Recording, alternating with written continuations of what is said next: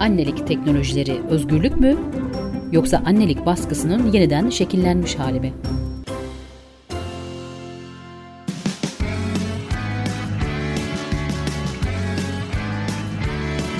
Kulağınız bizde olsun. Kısa Dalga Podcast. Günümüzde teknolojiler sayesinde anne olmak çok daha kolaylaştı. Tüp bebek, yumurta dondurma, taşıyıcı annelik, yumurta ve sperm bağışı gibi yöntemlerle doğal yollardan hamile kalamayan pek çok kadın anne olabiliyor. Peki bu teknolojiler gerçekten de beklentileri karşılıyor mu? Ebeveynler hangi durumlarda bu teknolojilere başvuruyor? Kadınlar annelikte ne arıyorlar ve ne buluyorlar? Günümüzde anneliğe dayatılan yeni normlar neler?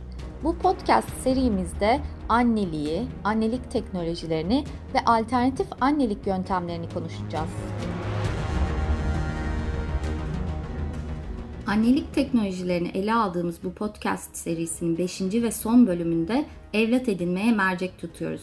Öncesinde annelik kavramını tartıştığımız birinci bölümü, yumurta dondurmayı incelediğimiz ikinci bölümü, yumurta bağışı ve taşıyıcı annelik konularını masaya yatırdığımız üçüncü bölümü ve tüp bebek teknolojisini incelediğimiz dördüncü bölümü dinlemenizi tavsiye ederiz.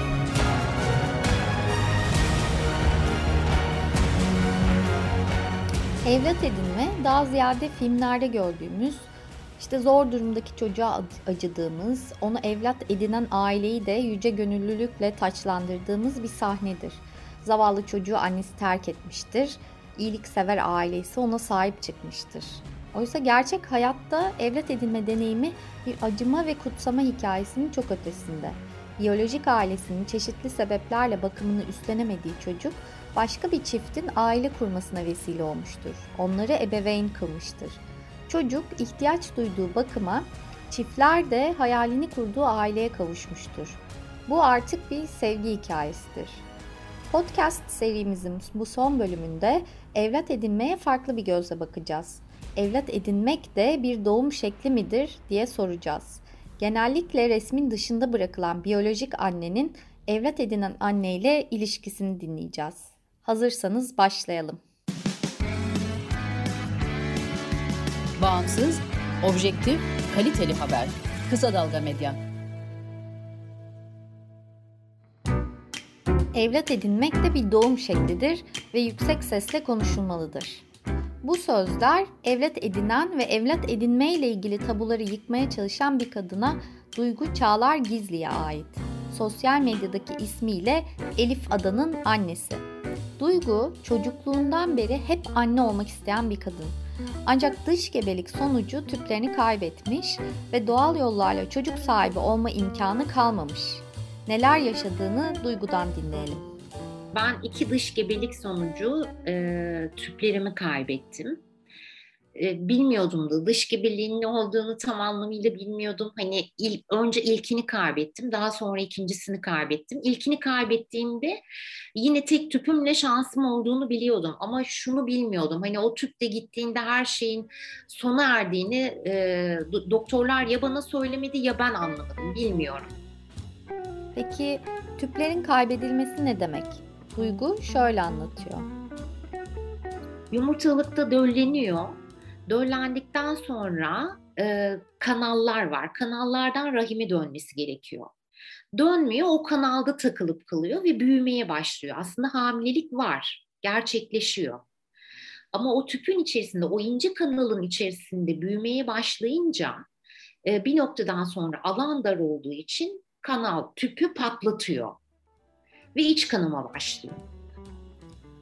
Aslında tek tüpü zarar gören kadınların diğer tüplerinde bir sorunu olup olmadığını kontrol ettirmesi gerekiyor.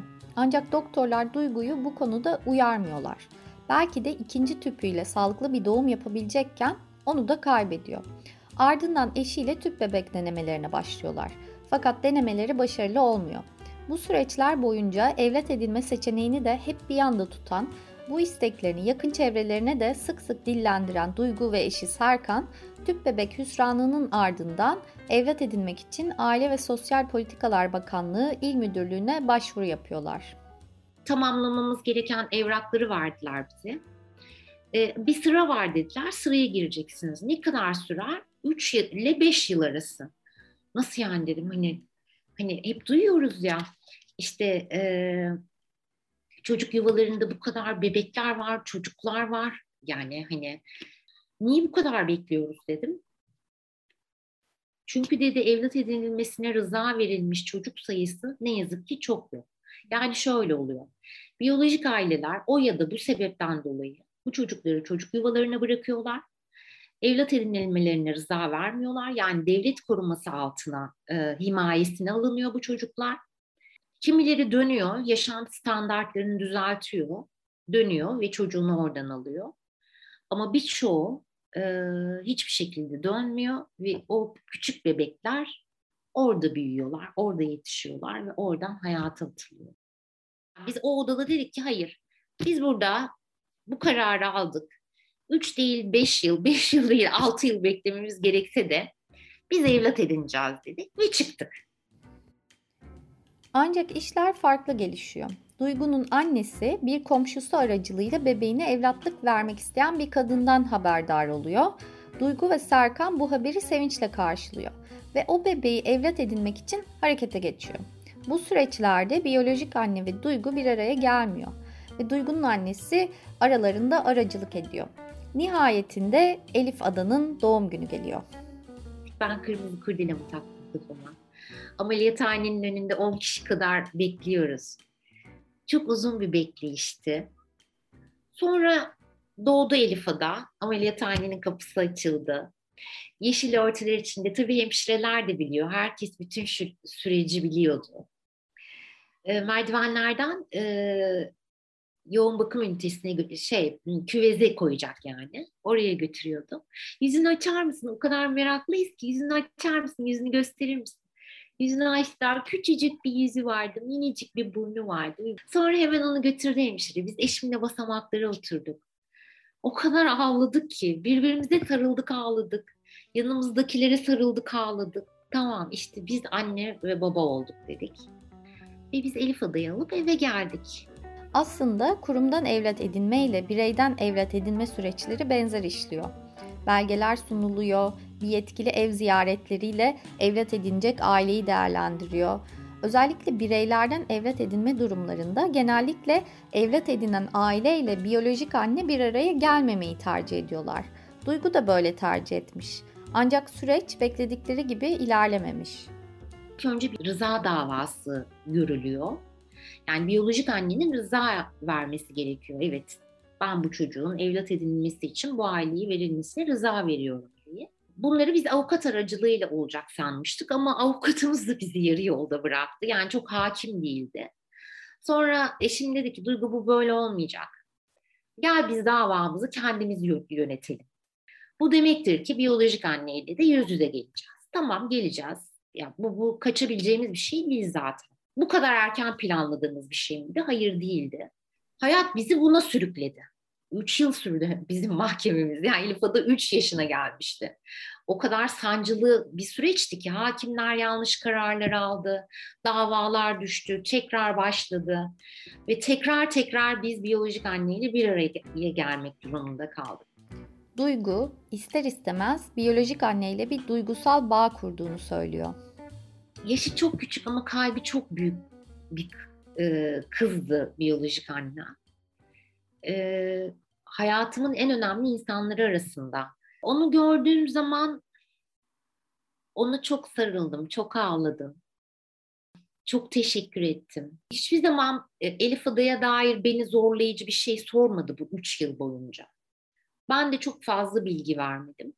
Ama oturduk, konuştuk, çocukluğunu konuştuk, hayatını konuştuk. Ben ona anlattım, o bana anlattı. Çok fazla etkileşim halinde miyiz? Hayır değiliz. Ama o olmasaydı ben anne olamazdım. O olmasaydı Elif adı olamazdı. Duygu, biyolojik anneyi hayatının bir gerçeği olarak tanımlıyor ve zaman zaman iletişim kurduklarını söylüyor. Şimdi ben sosyal medyada yazıyorum. Beni takip ettiğini biliyordum. Elif Ada ilkokula başlıyordu. Birkaç kere mesaj atmıştı çünkü bana. Elif Ada ilkokula başladığı zaman ona ilkokul fotoğrafını gönderdim. Çünkü e, onu görmesinin onun için de önemli bir an olduğunu düşündüm. Ve çok mutlu oldu mesela onu gönderdiğimde. Ara ara yine e, dediğim gibi belli periyotlarda öyle uzun uzadıya değil e, yine sosyal medya aracılığıyla bazen yazışıyoruz. Beni takip ettiğini de biliyorum. Akla ister istemez yılların bitmeyen tartışması yani doğuran mı annedir yetiştiren mi sorusu geliyor. Bu sorudan Duygu da uzun zaman nasibini almış. İnsanların özensiz ve kaba sözleriyle uğraşmak zorunda kalmış. Bilmediği için absürt sorular soran insanlar da var. Başlarda hepsine de çok sinirleniyordum. İşte ya annesine giderse, ya annesini görmek isterse, herkes ne şunu diyordu. Onun annesi benim, biyolojik annesi. Hep bir taraftan da bunları düzeltiyordum. O biyolojik annesi. Ya gerçek annesine giderse hayır diyordum. Gerçek annesi benim, o biyolojik annesi. Çünkü gerçek olan biziz. Biz yaşadık. Bizim benimle birlikte büyüyor diye. Ama çok acımasız olan insanlar da vardı. Ee, işte etnik kimliğini araştırdınız mı gibi. Ee, ya o kadar saçma şeyler ki işte Allah e, biliyormuş yani Allah senin çocuğunun olmamasını istiyormuş. Sen neye dayanarak şansını zorlayarak bu yolu bu yola başvurdun diyen bile oldu. Ama öfkemle de baş etmeyi öğrendim. Ya öfkemle baş etmesem anlatmaktan vazgeçecektim çünkü. Oysa anlatmam gerekiyordu. Duygu kendi içinde de bu mücadeleleri vermiş. İlk başladığımda hep şey diyordum. İşte bir gün annesi, biyolojik annesini görmeye karar verdiğinde nasıl olacak, ne yapacağım, nasıl hissedeceğim falan diyordum. Bunların hepsinden gerçekten çok ciddi ve samimiyetle söylüyorum sıyrıldım.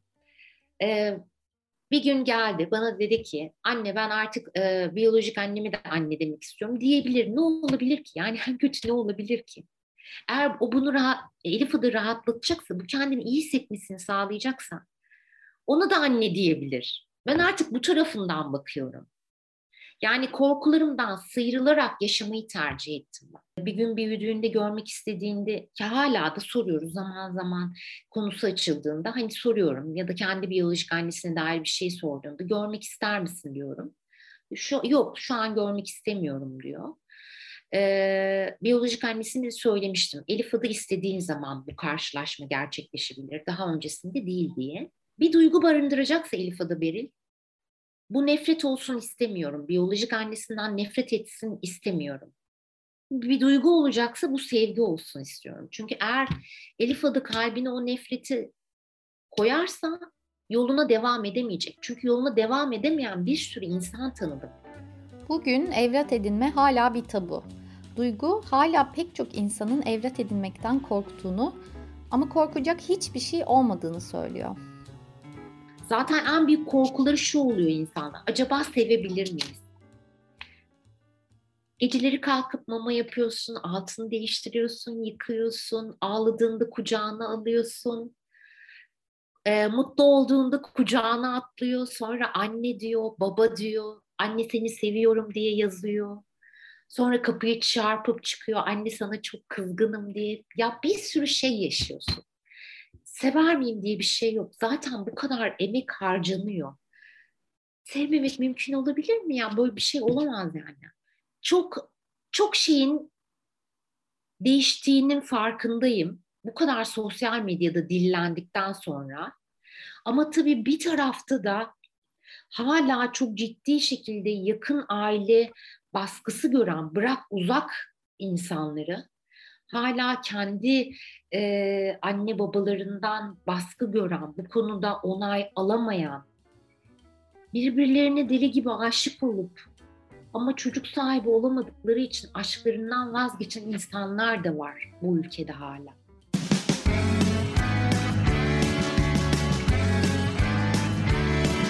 Kulağınız bizde olsun. Kısa Dalga Podcast.